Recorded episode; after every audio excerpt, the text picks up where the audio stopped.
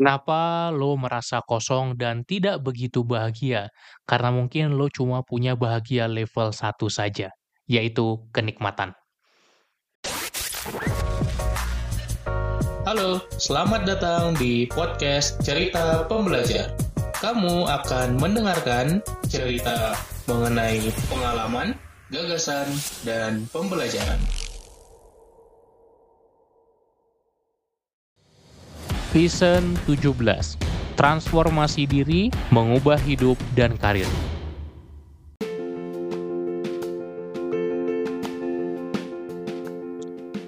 Bahagia liburan ke Bali tiga hari kalah dengan bahagia mengisi webinar 3 jam.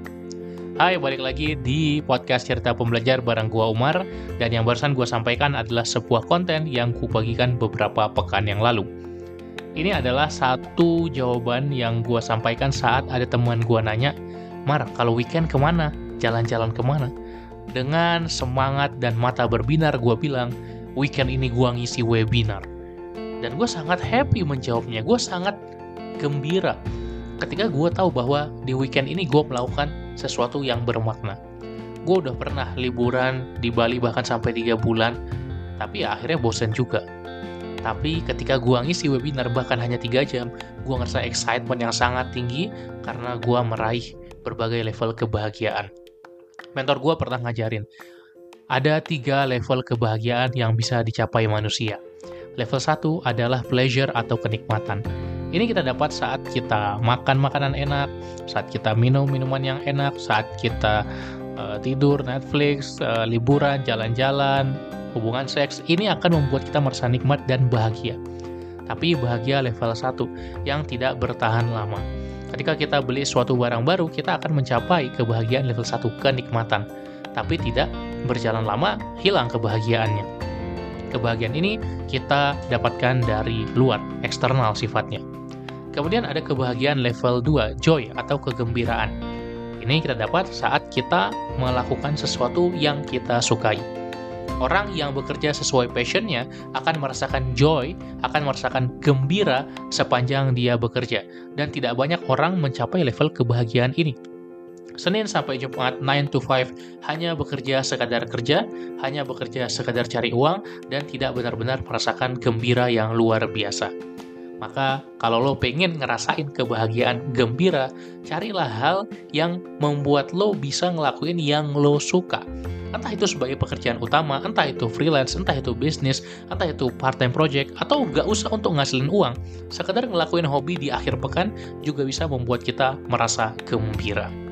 Tapi ada satu level yang di atasnya lagi, yaitu kebahagiaan level 3, meaning atau kebermaknaan. Ini adalah saat kita merasa benar-benar bermakna karena apa yang kita lakukan bermanfaat buat orang lain. Apa yang kita kerjakan ada nilai dampaknya. Dan saat kita merasa bermanfaat buat orang lain, kita akan sangat-sangat bahagia. Apakah di karir lo sekarang, di hidup lo sekarang, banyak hal-hal yang membuat lo bermanfaat buat orang lain atau enggak? Saat kita diberikan sesuatu oleh orang lain, diberikan uang, diberikan barang, ditolong orang lain, kita akan happy. Tapi saat kita yang berbagi ke orang lain, kita yang memberi, kita yang melayani, kita yang berkontribusi, kita yang berdampak, happy-nya itu jauh lebih tinggi lagi. Maka untuk kita jadi lebih bahagia, kita perlu perlahan-lahan naik level. Level 1 kenikmatan, level 2 gembira, level 3 bermakna. Sekarang lo berada di level yang mana? Saat gue ngisi webinar di akhir pekan, gue ngerasa ketiga-tiganya.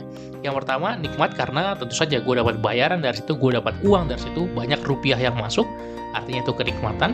Yang kedua, gue gembira juga karena gue seneng banget ngajar, itu hobi gue, passion gue emang ngajar, ngisi training, dan gue bisa lakukan itu secara bebas, bisa kerjakan itu di mana aja, kapan aja, tanpa ada yang mengekang sama sekali. Gue gembira.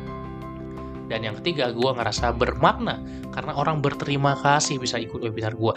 Orang merasa hidupnya berubah, orang merasa dapat insight yang baru, orang merasa banyak perubahan-perubahan dalam dirinya setelah ikut webinar, kelas, buku, training, course, coaching dari gue. Sehingga pekerjaan gue memberikan gue kebahagiaan level 1, kenikmatan, level 2, kegembiraan, level 3, kebermaknaan. Dan ini beda banget dari dulu saat gue bener-bener hopeless, nggak tahu hidup mau ngapain, nggak tahu arah hidup yang diinginkan, nggak punya life purpose, karena nggak punya ketiga level kebahagiaan ini.